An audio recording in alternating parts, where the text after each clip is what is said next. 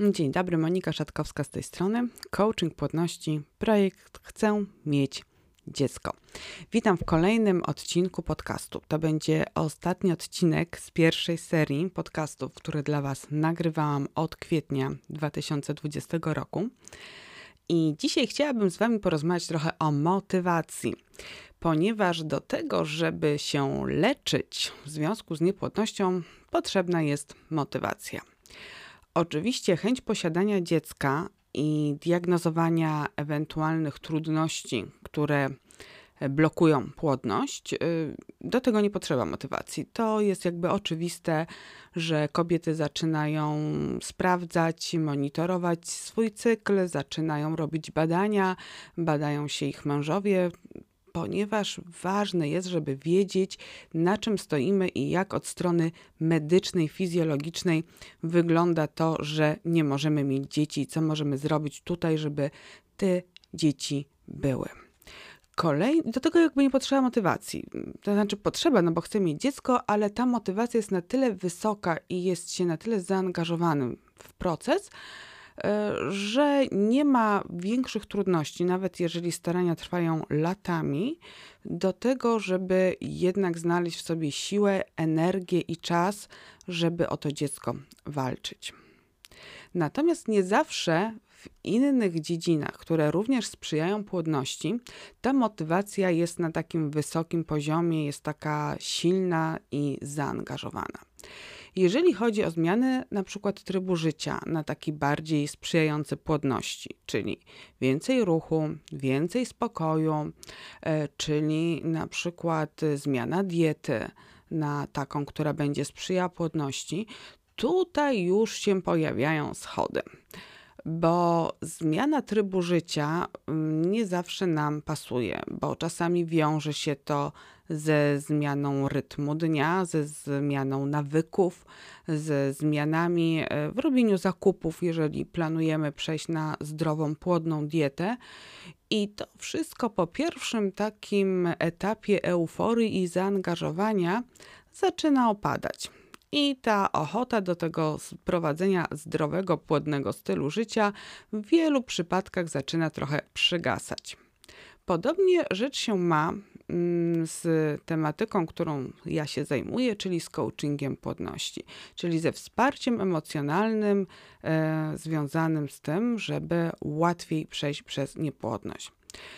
To też jest trudne, bo żeby inaczej reagować na sytuacje związane z brakiem dziecka, żeby inaczej radzić sobie ze złością, z frustracją, z bólem, e, żeby inaczej reagować na pytania bliskich i dalszych osób znajomych, którzy pytają się, kiedy dziecko, mm, tutaj trzeba nad sobą popracować. Tutaj trzeba włożyć wysiłek w to, żeby zmienić swoje myśli, żeby trochę je najpierw kontrolować, żeby później je przekierowywać na inne tory. Trzeba pracę nad pewnością siebie i wiarą we własne siły i możliwości. Tutaj jest potrzebna taka regularna praca nad tym, żeby zmienić swoje przekonania i regularna praca nad tym, żeby no właśnie, regularnie, konsekwentnie pracować nad e, technikami relaksacyjnymi i nad takim, nad umiejętnością obniżania poziomu lęku i stresu.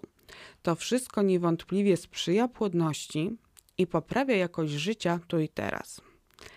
Ale bywa trudne. Często jest tak, że chcemy jednorazowej akcji i od razu, żeby była reakcja, żeby już był efekt.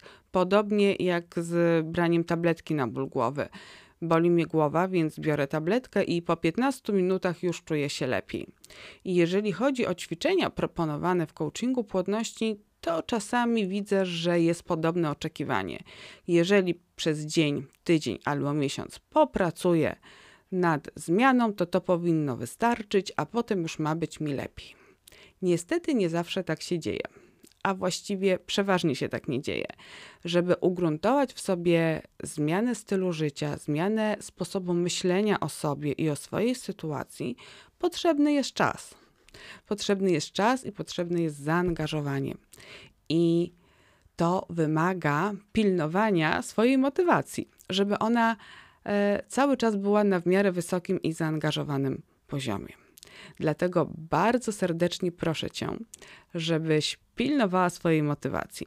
To znaczy, że cały czas musisz sobie przypominać, po co wprowadzasz te zmiany, analizować, czy już w Twoim życiu dokonała się jakaś pozytywna zmiana w sposobie myślenia albo reagowania na kobiety w ciąży. Także widzisz różnicę w tym, jak funkcjonujesz i jak postrzegasz innych ludzi i świat mimo niepłodności.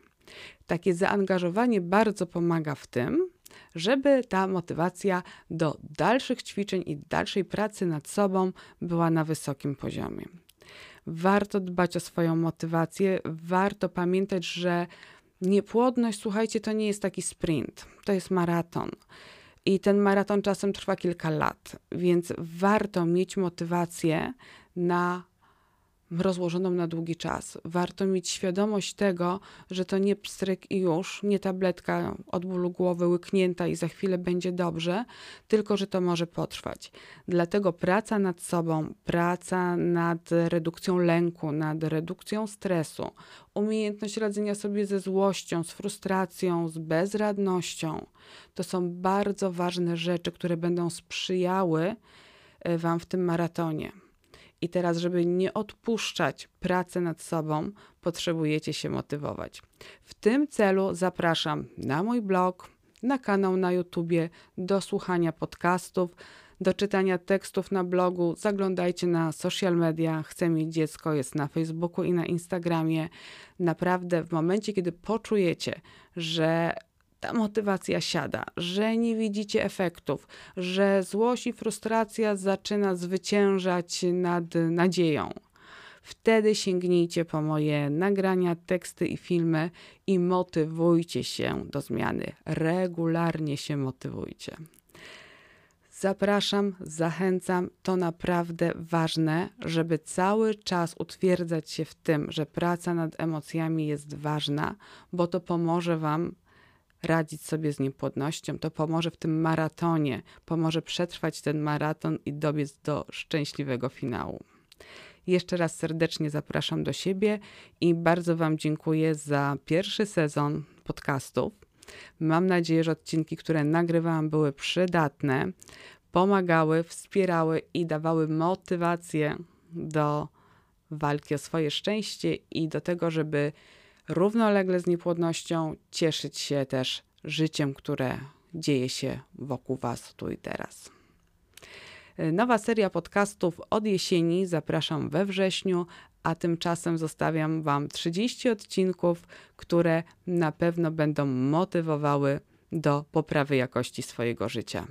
Mocno trzymam kciuki za sukces Waszych starań i do zobaczenia na jesieni.